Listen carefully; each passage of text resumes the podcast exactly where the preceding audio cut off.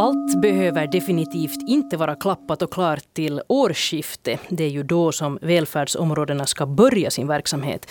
Sådana här tröstande ord kom en välfärdspolitiker med förra veckan på tal om att det nu bara är fem veckor kvar tills de nya välfärdsområdena tar över all social och hälsovård i landet. Budskapen går lite i kors just nu. En del bedyrar att förberedelsearbetet går jättefint framåt och allt kommer att gå bra. Medan eh, många av de som nu jobbar febrilt med att förbereda välfärdsområdena inför årsskiftet oroar sig över hur halvfärdig den här organisationen trots allt verkar vara. Och faktum är att mycket ännu är på hälft. Och att eh, välfärdsområdena dessutom startar sin verksamhet med alldeles för lite pengar i kassan. Tillsammans uppger välfärdsområdena i vårt land att det saknas hela en och en halv miljard euro för att man ska kunna producera all den social och hälsovård som behövs.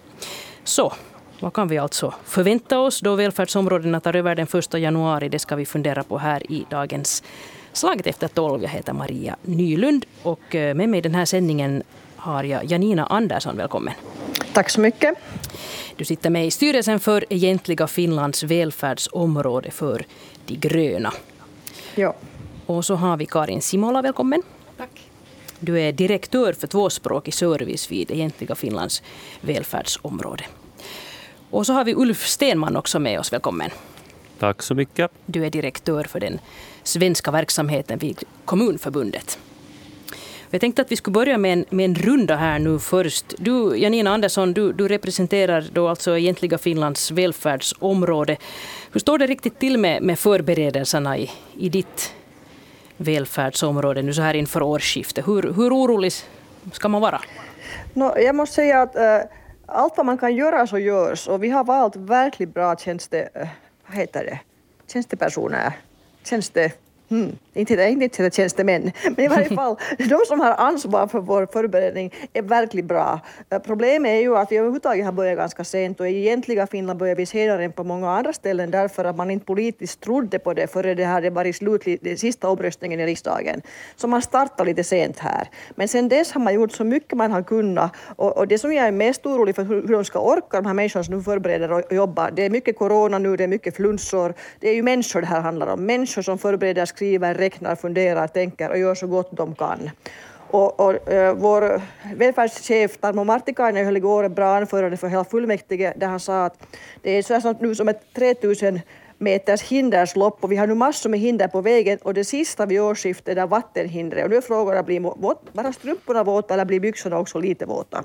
Att säkert blir det några små problem men förhoppningsvis inga stora problem. Mm. Du, du, du, tror ändå att det är bara strumporna som blir fuktiga? Jag hoppas och tror det. Och sen tänker jag att, att måla fan på väggen hjälper ingen av oss. Utan nu gäller det att använda all tid till att så bra som möjligt hjälpa de som gör det här förberedande arbetet. Att ju mer vi håller på och liksom säger att oj, oj, oj, oj, oj, det går inte, så det gör inte saken alls bättre. Mm. Karin Simola, du hör till de här hjältarna som Janina Andersson här nu eh, var orolig för att hur du ska orka. Eh, hur orolig tycker du att man ska vara inför starten här? Ehm, tack, jag håller med helt med, med Janina om det att man ska inte vara så orolig. Eh, det finns en krisberedskap, man, man planerar, man, man eh, funderar noggrant att, att vilka, vilka kan de här planerna beva ifall att inte allt skulle gå som planerat. Och, och, det där det jobbas nog på högtryck faktiskt nu att få de frågor lösta som man måste få lösta före årsskiftet. No, vad är de här kriserna som man tänker sig? No, det har ju talats mycket om löneutbetalning till exempel. Att personalen ska, de ska få sin lön vid, vid rätt tidpunkt den 13 januari 2023. Det, det är en viktig sak. Och, och framförallt, vi får ju inte glömma klienterna och patienterna. De ska få den vård som de behöver, den de har rätt till. Åtminstone inte sämre än, än idag.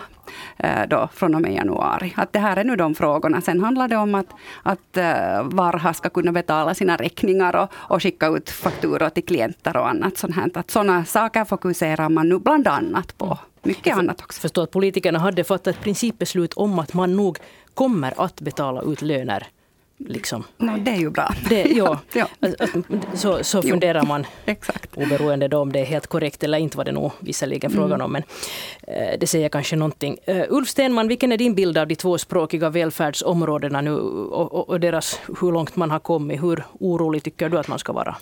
Jag kanske kan inleda med att säga att jag representerar ju kommunernas eh, som en intresseorganisation och sakkunnig organ och, och det där. Och för oss innebär det här en jättestor förändring, alltså för hela samhället, den här reformen. Eh, också även för kommunernas del. Och då pratar vi ändå om, trots välfärdsområdena inleder sin verksamhet, så pratar vi om samma invånare. All, invånarna i välfärdsområdet är samtidigt också kommuninvånare. Och, och det där, från min synvinkel ska jag säga det är mindre än 40 dagar kvar då, så där snabbt räknat. Och, och det, där, det är klart att vi hade en lagstiftning som trädde i kraft där första i sjunde 21. Nu är det snart då första i första 23. Tiden har varit väldigt knapp, det ska sägas, om vi pratar om 200 000 anställda knappt, eller cirka som går över inom då både social hälsovård och räddningsväsende från kommunerna eller från samkommunernas tjänst till välfärdsområdets tjänster. Uh, så det, det, är en stor förflyttning. Samtidigt vet vi att vi idag har vi då, om vi har, brukar säga cirka 200 kommuner eller samkommuner som, som har en egen ledning, en egen administration och ekonomi och bokföring och, och olika processer. I framtiden har vi då 21 plus 1. Alltså, så, så det är en stor reform. Så att det är klart att det finns anledning, av att, en anledning till att vara lite orolig. Äh, sen är det så att allt kan inte vara klart heller. Det, det, man kan väl säga att social och hälsovårdsreformen har nog, inte, inte kan man säga att den lyckas om ingen patient märker förändringen den 2 januari, utan det behövs lite längre tid för, för det. Mm. Mm, just det. Eh, nu har vi ju hört det här många gånger redan att, att experter och också på sistone tycker jag allt fler politiker, åtminstone här i egentliga Finland, som säger just det här att hur det än är med organisationen, hur halvfärdigt allt än må vara, så kommer inte kunderna, alltså patienterna, de äldre som behöver äldreomsorg eller familjer som behöver barnrådgivning, skolelever som behöver skolpsykolog eller personer med intellektuell funktionsnedsättning till exempel som behöver stöd, att ingen kommer att märka av någonting alls vid årsskiftet. Att allt tuffar på som vanligt. Kan det här nu stämma? Vad tror du, Ulf Stenlund? Nej, alltså det är ju så att man ska komma ihåg att det är en strukturreform och, det första, kanske nödvändiga steget ska man väl säga, att reformera social och hälsovården. Men, men det pågår ju också samtidigt, vilket väldigt sällan Eh, uppmärksammas projekt som riktar in sig på själva substansen, alltså att, att göra själva vården bättre. Eh, att på, att på ett hållbart sätt korta köerna, möjliggöra olika kvälls och veckoslutsmottagningar och, och servicekedjorna smidigare och så vidare. Så att det som vi ofta diskuterar är själva strukturen och, och, och vi, vi ska hoppas att den är klar men, men innehållsmässigt så sker det förändringar. Mm, jag tror att man kommer att märka det delvis därför att alla de här kedjorna är inte klara när vi går över till, till, till den första i första. På, på vilket sätt tror du att man skulle kunna märka det då? Uh, jag, uh, jag tror liksom att vi får, servicen kommer nog finnas kvar för den fungerar ju också idag. Men på det sättet som de här olika om vi pratar om en integrerad vård, vilken har varit en av de här eh, viktiga målsättningarna, så tror jag inte att man har nått det över en natt, även fast planeringen har skett länge, utan det krävs att man också får öva på det. Eh, och det kanske kommer att märkas när du behöver, så att när de här olika organen ska samarbeta med varandra. Och det kommer kanske kunden att märka av. Att det mm. inte helt smidigt i en början. Uh, förstås det som man har pratat mycket om, det här med lönerna. vi har haft corona och vi när man pratar om löneutbetalningen och vidare, så visst, det har ju visat sig att, att systemintegrationen är någonting vi behöver oroa oss för. Men, men vi har också medvetet, man har blivit me, mera medveten om det, eftersom vissa har hunnit testa det redan. Mm. Så att det är klart att det, det, finns alla möjligheter att det, ses, att, det, att det finns, att man kommer att märka av det. Men det är mm. inte saker och ting som inte går att rätta till. Vad säger du Janina Andersson, är det, är det, är det så här att ingen ja. kommer att märka någonting? No, men jag måste säga, vi människor har väl kanske på senaste tiden blivit ganska vana med att saker inte är som de brukar vara hela tiden. Det är liksom hela tiden någonting. Det är corona och det är strejker och det är det ena och det är det andra. Så, så jag riktigt så här normalt har vi inte haft det på ganska jättelänge skulle jag vilja säga när det gäller socialhälsovård heller. Att, att det här är en till, liksom, det är så turbulent har varit överhuvudtaget.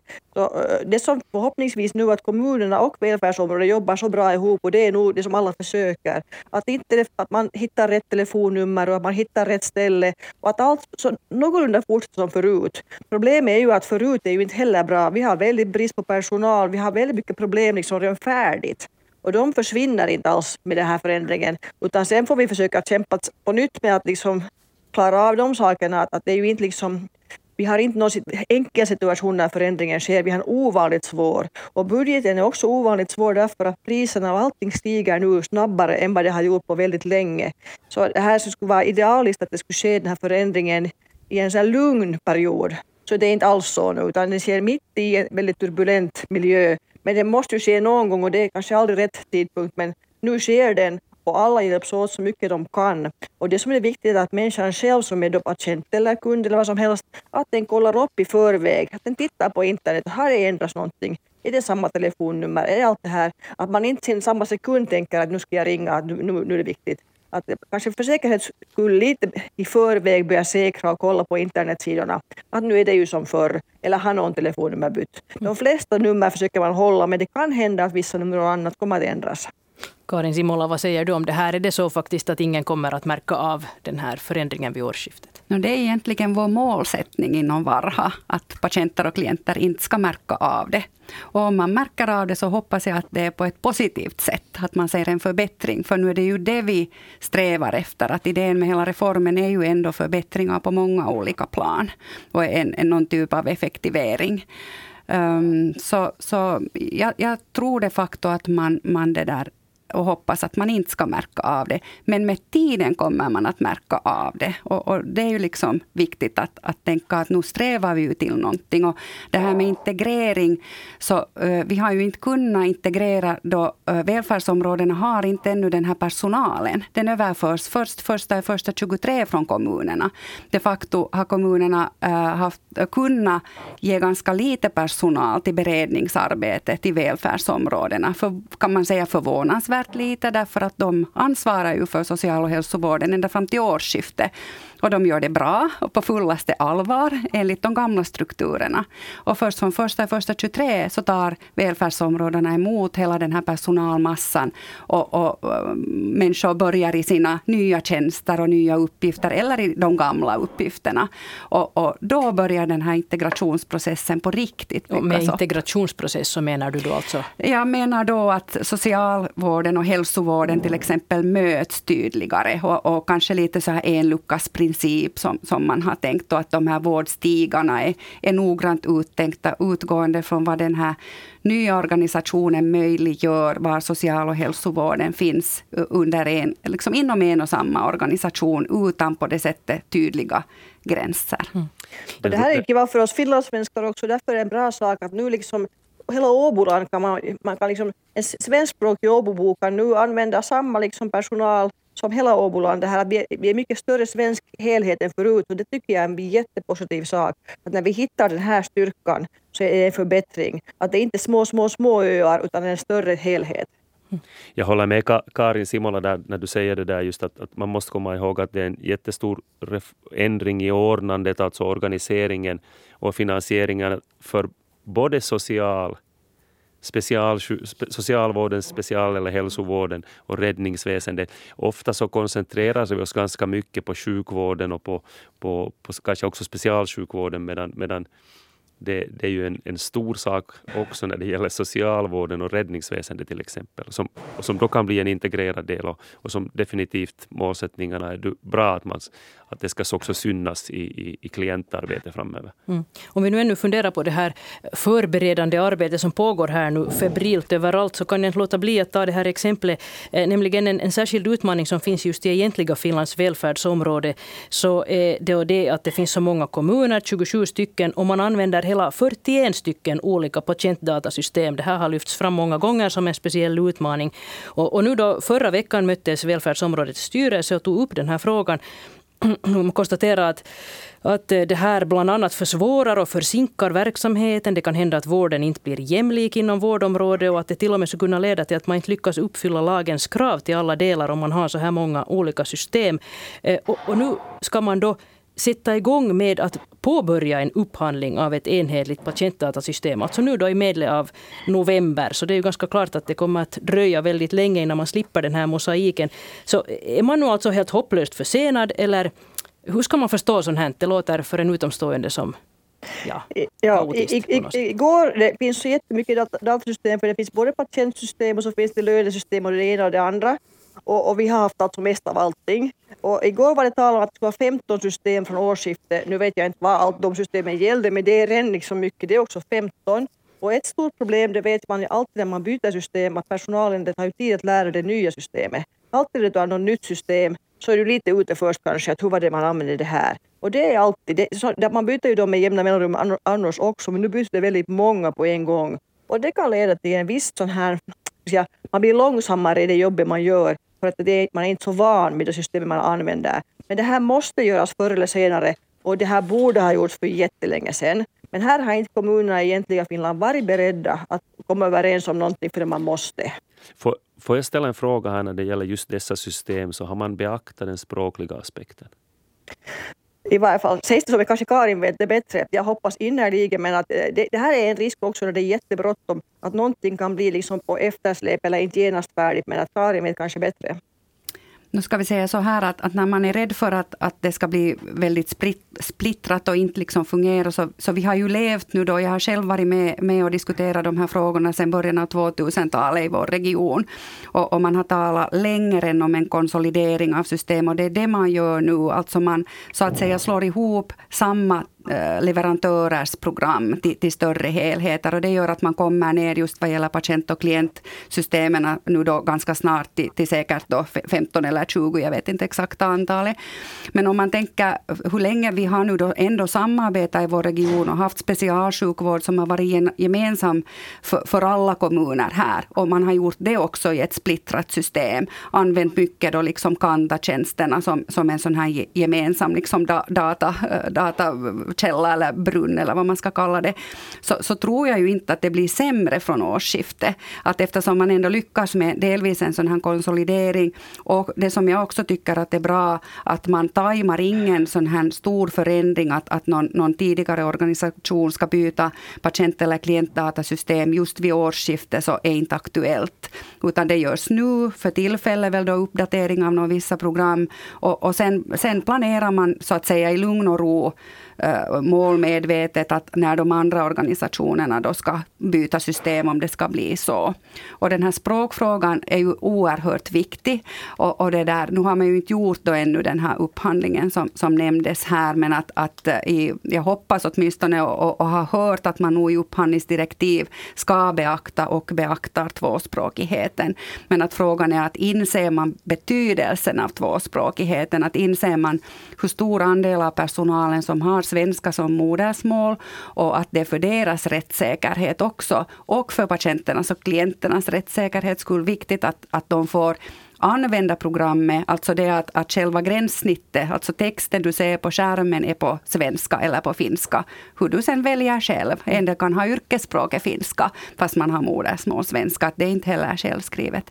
Och sen en ännu viktigare fråga är det på vilket språk dokumenterar yrkespersonerna. Inom, social, eh, inom hälso och sjukvården så har personalen laglig rätt att dokumentera på sitt modersmål. Just på grund av den här rättsskyddsaspekten.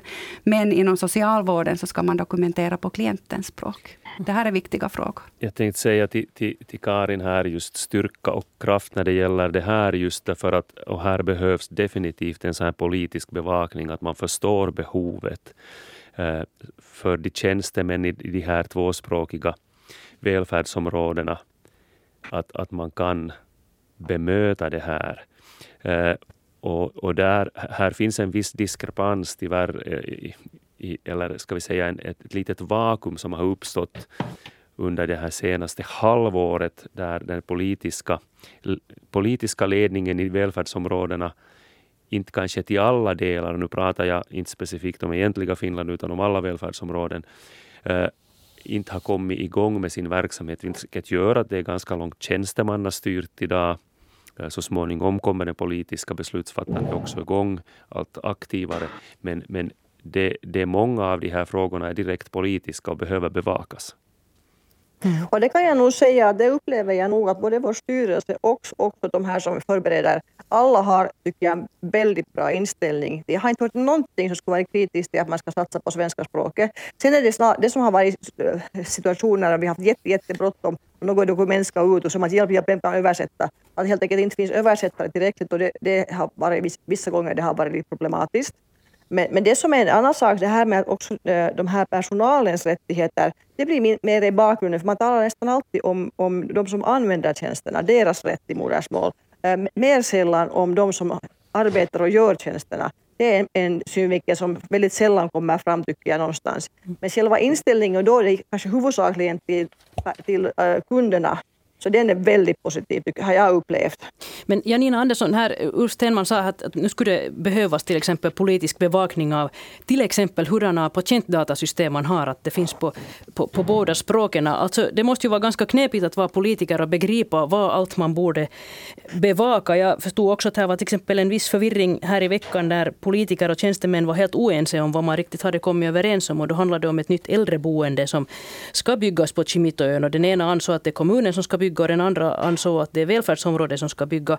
Alltså hur, hur lätt eller svårt är det att riktigt hänga det är, med? Det är verkligt svårt. Och vi hade till exempel igår ett överloppsstyrelsemöte som hade så många dokument, så förskräckligt många dokument, viktiga dokument, att det är, liksom, det är faktiskt jobbigt. Att, att, äh, jag har aldrig i mitt liv använt så här mycket tid till något organ som jag nu använder till det här.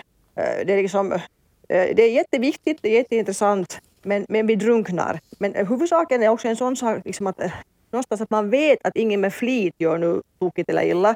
Är det snarare att påminna om saker som kan glömmas. Mm. Och, det, och det, är liksom, det, är väldigt mänskligt nu att saker kan glömmas. Och det finns ju massor med checklistor och det ena och det andra ur olika synvinklar. Och att de gås igenom och gås igenom. Och sen om, man, om man någonting glöms eller görs fel, att man sen rättar till det. Och här skulle man ju tycka att de här olika områdena skulle stödja varandra. Jag menar, vi har ju samma sak vi borde få till stånd vi har liksom samma grejer. Att istället för att alla gör dubbelt så skulle vi tillsammans göra vissa saker och inte så att alla försöker skilt göra så gott de kan. Det är så att de där strukturerna när det gäller den här servicen är jätteviktig. Det som jag tänkte lyfta fram och som kom lite här är ju det att, att, att vi måste komma ihåg också att och jag hoppas att det finns den insikten även framöver att kommunerna och välfärdsområdena så bör inom ramen för sin självstyrelse kunna komma överens om skötseln av uppgifter och om arbetsfördelningen. Därför att det är samma invånare vi pratar om och kontaktytorna är oerhört många. Och då menar du Och därför konkret. är det väldigt, väldigt kan du ännu, Stenman, berätta ja. vad du menar med kontaktytor? När vi pratar om kontaktytorna så oftast har man ju till exempel pratat om kontakten till tredje sektorn eller den hälsofrämjande förebyggande verksamheten, men också elevvårdstjänster. Eh, beredskapen har mycket pratats om, integrationen och så vidare. Där vi, där vi så att säga, där, där kommunerna och välfärdsområdena ag, eh, har, har uppgifter som tangerar varandra. Och här har vi, jag tycker jag, gjort en bra sak nu eh, egentligen Finlands välfärdsområde. Är det att vi har under styrelsen, från och med årsskiftet har vi så här ehm, um, hytejaosto, alltså uh, välfärds och hälsofrämjande, vad ska man kalla det på svenska, uh, så här delegation som har till uppgift att speciellt fokusera på samarbete med kommunerna, med tredje sektorn och de här näraliggande verksamhetskumpanerna och man, ah, det finns både politiker och tjänstemän som har till uppgift där att kolla att det här fungerar så smidigt och så bra som möjligt. Och, och, och det liksom, om de alla har ansvar så det kan lätt gå så att ingen tar ansvar. Men nu finns det vissa personer som speciellt har ansvar att kolla att det här säkert fungerar. Mm.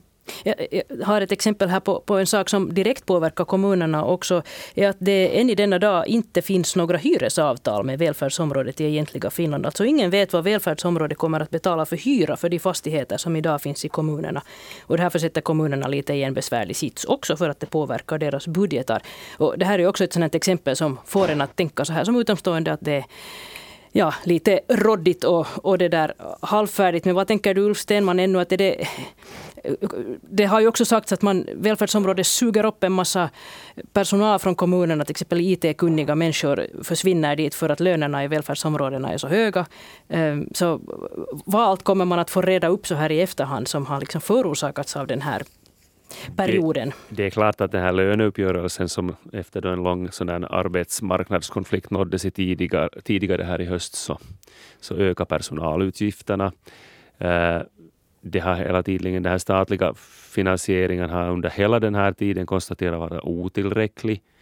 Eh, och det finns många av de saker som du nämner här som, som, som är ett konstaterat faktum. att Det är klart att det dräneras kommunerna delvis på, på kunnig personal. Samtidigt de behövs också i välfärdsområdena. Eh, det, det är mer en allmän problematik gällande tillgången till kunnig arbetskraft. Och det är en realitet som vi haft redan en lång tid. Eh, men, men det är viktigt att vi, att vi i de här kontaktytorna mellan välfärdsområdena och kommunerna så har en så, här, en så öppen och bra dialog som möjligt. Och jag också, vi, från Kommunförbundets sida så, så bildar vi också ett, ett bolag här nu första i första 2023 som då, eller det är under bildning varande bolag som också du ska kunna ge sakkunskap till välfärdsområdena, välfärdsområdena framöver. Mm. Så att säga, de, blir, de, de försvinner inte från vår intressesfär i framtiden heller eftersom som invånarna är detsamma och det är viktigt att det finns en, en sån här fungerande samarbete mellan dem. Ja.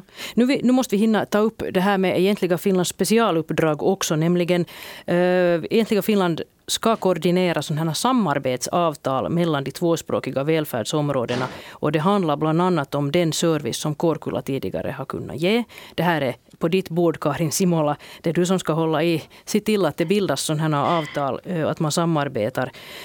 Eh, det där, nu var det ursprungligen tänkt att Kårkullas experter i det som kallas då Kårkullas expert och utvecklingscenter, de skulle övergå i egentliga Finlands välfärdsområdes tjänst.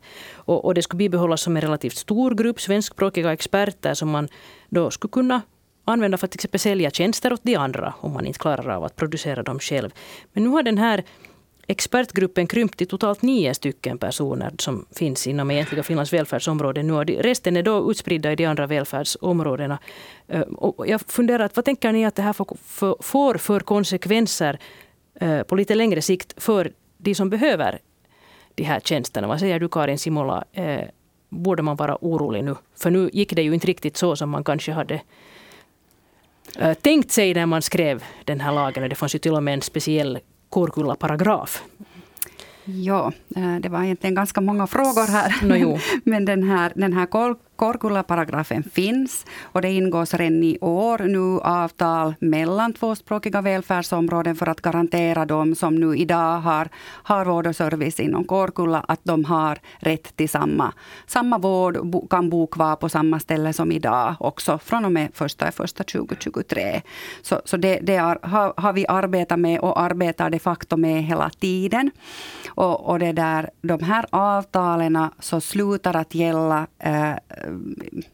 vid den tidpunkt när vi ingår det här samarbetsavtalet som också finns då i, i lagen, i det här lagomordnande. Det, det är ett större avtal som görs större, i september. Exakt, mm. där är deadlinen första i nionde 2023. Och, och, det där, och då avtalar vi uttryckligen om de här funktionshinder servicetjänsterna. Men det kan vara mycket, mycket bredare. Och, och det där, och till, vi har inte hunnit nu så långt ännu att vi egentligen ska kunna precisera att exakt vad det är vi vill liksom köpa av varandra eller sälja åt varandra. Eftersom, som vi nu tidigare här har diskuterat, så tiden har varit knapp. Det har varit mycket fokus på att bygga upp välfärdsområdenas strukturer. Organisationerna är inte riktigt klara ännu. Vi vet kanske inte ännu vilka personer som ansvarar för serviceproduktionen. Vilket betyder att, att vi kanske inte riktigt har en helhetsbild heller av vår egen serviceproduktion mm. och vad vi har behov av att samarbeta kring. Men tillbaka till Kårkulla, så ähm, um, jag, jag, jag, önskar att man inte skulle känna oro. Um, jag tänker så här att, att det, där, äh, det har visat sig att flera välfärdsområden nu är intresserade av att själva producera tjänster mera än vad lagstiftaren hade haft för avsikt eller vad man i svensk Finland kanske hade då önskat. Eh, det har de kanske rätt då att göra. Men egentliga Finland ställer sig absolut liksom till förfogande. Vi har skickat ut en produktkatalog till alla tvåspråkiga välfärdsområden var vi presenterar att vilka, vilka det där krävande funktionshinder servicetjänster vi fortsättningsvis kan och, och vill erbjuda. Och vi är också beredda på att utöka resurserna över tid om behovet av att köpa dem av oss. Så att ni ska kunna erbjuda sådana tjänster som man inte klarar av till exempel i Vandra-Kärvo? Absolut. Vi, vi, vi, vi, har, vi har uttryckt att det är så här och vi kommer i fortsättningen också att göra det. Att vi är öppna för ett närmare samarbete. Men, men, men var det landar så är för tidigt att säga idag. Att vi kan inte nu vara jag, jag, önskar att vi inte skulle vara arga på varandra för att någon tänker si eller så för tillfället. Utan liksom vi måste förstå att, att vi är kanske inte mogna ännu av att, att liksom mm. se den där helheten. Som det ser ut nu så verkar ju de flesta välfärdsområdena vilja sköta sig nästan så gott som helt och hållet själva. Fast här skulle jag nog vilja... kanske lite liksom tillspetsat sagt. Ja, jag, jag, men jag skulle gärna sticka ut hakan lite här ja. också och stödja Karin lite mm. och kanske vara lite skarpare nu där att här krävs nog ett, politiskt, ett finlandssvenskt politiskt ansvar att se över de här frågorna. Absolut. Det, det, det, är för sent, det är för sent när det inte fungerar. Och att ja. släppa det så långt att ministeriet måste gå in och säga att det inte fungerar. Att, att vi, och det är därför oerhört viktigt att vi ser det här behovet i alla tvåspråkiga välfärdsområden och också går in och stöder så att dessa experttjänster finns kvar när de behövs. Och till det behövs ett mm. samarbete och vi måste vara tydliga med det. Och nu har vi alltså byggt upp ett stort komplex i Kårkulla och mitt i allt alla drar sig så är det liksom, det är ju inte riktigt fiffig eh, användning av resurser om man liksom först bygger upp och sen splittrar. Att nu lönar det sig verkligen att se vad vi som gemenskap, finlandssvenskar, kan ge och göra och ge det mervärde eh, och, men, och, och, och, söka samarbete. Men splittringen är ju ett faktum redan. Eh, no, det, ja, men om det är ett faktum så får vi diskutera vad vi kan göra för att göra att det liksom så, går så fiffigt som möjligt tillväga att inte det, liksom, det, det skulle vara väldigt, tycker jag, ledsamt om man har gjort investeringar och satsningar och sen vill man inte heller använda dem. Ja, och det som, som, som Karin sa här, här så är det ju också, det gäller alla övriga tjänster också, bara för att plocka några. Det kan gälla missbrukarvård, det kan gälla barnpsykiatri, barnskydd, eh, andra funktionsnedsättningar och så vidare. Så att det, det, det, finns en palett av minoriteters minoriteter där vi måste vara väldigt uppmärksamma. Och, och där nationalspråks nämnderna har, har vi en viktig uppgift men, men där också våra beslutsfattare har en oerhört viktig uppgift att följa med. Mm. Ja, nu för att repetera, alltså senast i september nu då, 23 så ska man göra ett sånt här stort samarbetsavtal mellan de tvåspråkiga välfärdsområdena, eller hur? Jo. Där man ska komma överens om hur man ska samarbeta kring till exempel barnskydd på svenska, talterapi, ergoterapi, eh, barnrådgivning, till och med skolhälsovård, missbrukarvård, adoptionsrådgivning, också minnespatienters vård på svenska, sådana typers vård. Eh, det låter ju som en ganska eh, klok idé, men, men vem ska man få att driva det här nu så att det faktiskt uppstår det här samarbetet? För jag som Åbobo kan säga att jag skulle vara ganska lycklig om jag skulle få tillgång till svenskspråkig till exempel ergoterapi, vilket är jättesvårt här mm. just nu. Egentliga Finlands välfärdsområde har ansvaret för att samordna det här avtalet. Är det du som ska driva den här frågan? Det hör till mina uppgifter att driva den här frågan, absolut. Och senast den här veckan har vi haft ett, ett, en diskussion tillsammans, alltså alla tvåspråkiga välfärdsområden, om de här frågorna. Där var, där var HUS också med. Och, och, det där, och det finns definitivt ett intresse att samarbeta. Mm. Och, och, det, där, och det, det, det säger alla helt så här uh, enat.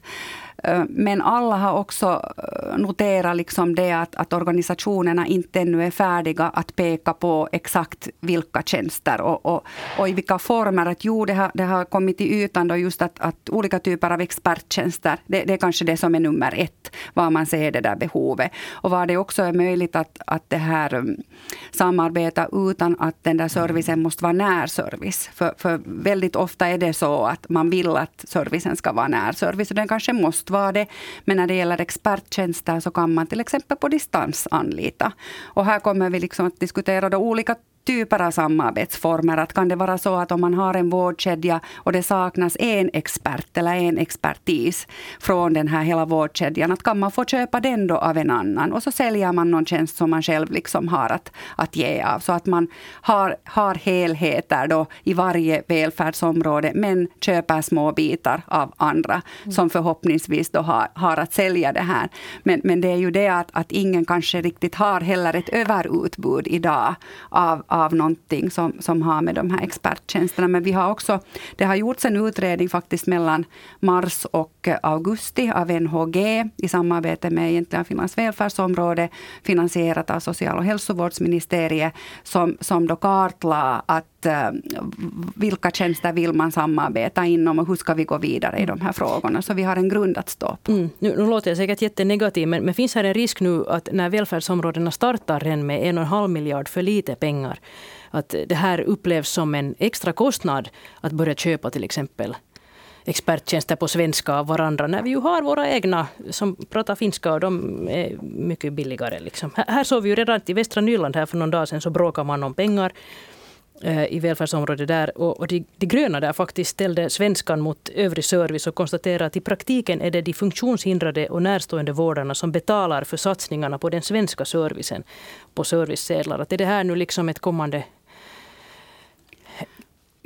politiskt gräl som kan uppstå, att man tycker att det här är dyrt att köpa sina alltså, Det kommer att stå om allting tyvärr gräl, för att när det ska nu så att säga skäras ner överhuvudtaget, och det här har ju inte att göra bara med välfärdsområdet, det här att överhuvudtaget våra kostnader på social och hälsovårdssektorn eh, har blivit mycket högre och det visste man. Det var därför man ville göra den här förändringen för länge sedan. Man visste att så här kommer det att gå.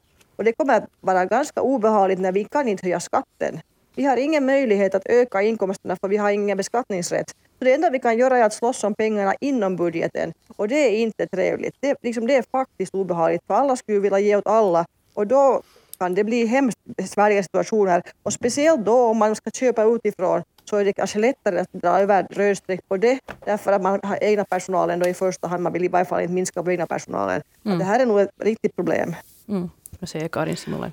Nu jag skulle vilja lyfta fram här eh, patientens och klientens rätt till vård på eget språk. Det, det är egentligen det som är, är liksom kärnan i det här. Och, och, där behöver vi också liksom patienternas och klienternas hjälp att påtala bristerna när de märker dem. Och då finns det ingen annan möjlighet än att producera tjänsterna också på svenska, om det är då på svenska som, som de behövs. Och det får också vara dyrare. Mm. Men i praktiken har vi, minoritet kan vi se, vi som bor i en finskdominerad ort, att, att ofta, fast det skulle komma dit med språklagen utprintad på papper, så, så är experten jag träffar ändå finskspråkig. Ja, och jag, jag, vill inte låta överpositiv, men, men jag tror definitivt att, att om vi hittar fungerande lösningar och kan liksom servera de här lösningarna, till exempel då från, från den här eh, resultatgruppen var jag jobbar, tvåspråkig service, att kan vi presentera att vi har en lösning på det här problemet, på det här sättet får vi den här svenska talande ergoterapeuten med i teamet, så kan det bra hända att, att organisationen köper den här lösningen. Vi ska inte bara liksom klaga och säga ajabaja och det här fungerar inte, utan vi måste hitta lösningar, motivera dem, planera dem bra, integrera dem bra och samarbeta med de andra välfärdsområdena, så, så tror jag att vi når mot liksom, i små steg framåt. Vi löser inte allt över en natt. Jag tror att det här med, med kost, alltså att i samarbete lyfta fram just det här kostnadsnyttoeffektiviteten och produktiviteten, kvaliteten och så mm. vidare. Så det är det som är, det, som är ändamålsenligt. Eh, att, att, ha, att ska, fun, skapa fungerande servicekedjor och tillgänglighet så, så är kostnadseffektivt. Det skriver jag också under. Och det som är alltså grejen att oberoende om vi skulle gjort den reformen eller inte så skulle det vara nu svåra tider och brist på svenskspråkiga experter och liknande. Så nu liksom ges det lite bättre förutsättningar att lösa samarbete med bara eh, några stora välfärdsområden och i massor med små kommuner. Nu har den enskilda svenskspråkiga någonstans i någon kommun där den är verkligt hör till minoritet säkert blivit helt i kläm. Nu finns det en lite större möjlighet att lyfta oss fram som en grupp. Inom hela välfärdsområdet vi är liksom en mycket större grupp än vad vi är i någon liten kommun, en, en och en av oss. Så jag tycker som Åbosvensk är det här direkt en jättepositiv sak. För nu är vi som en helhet, alla vi finlandssvenskar i hela egentliga Finland. Och, och, och där vi ser både på samarbete eh, i hela landet men också inom vårt välfärdsområde. Det ger en stor fördel i den här superbristen på svenskspråkiga både social och hälsovårdsexperter. Mm. Vi, vi, måste dra streck här nu för nu har klockan hunnit bli så jättemycket. Eh, det som också är spännande i kommunerna är att det så småningom kommer säkert den här poletten att börja trilla ner här när man inser att snart har man det är ingen som, snart har man ingen beslutande rätt i, i sin kommuns eh, social och hälsovårdsfrågor. Så är det bara efter årsskiftet. Men det kan vi prata om en annan gång. Tusen tack till er som var med.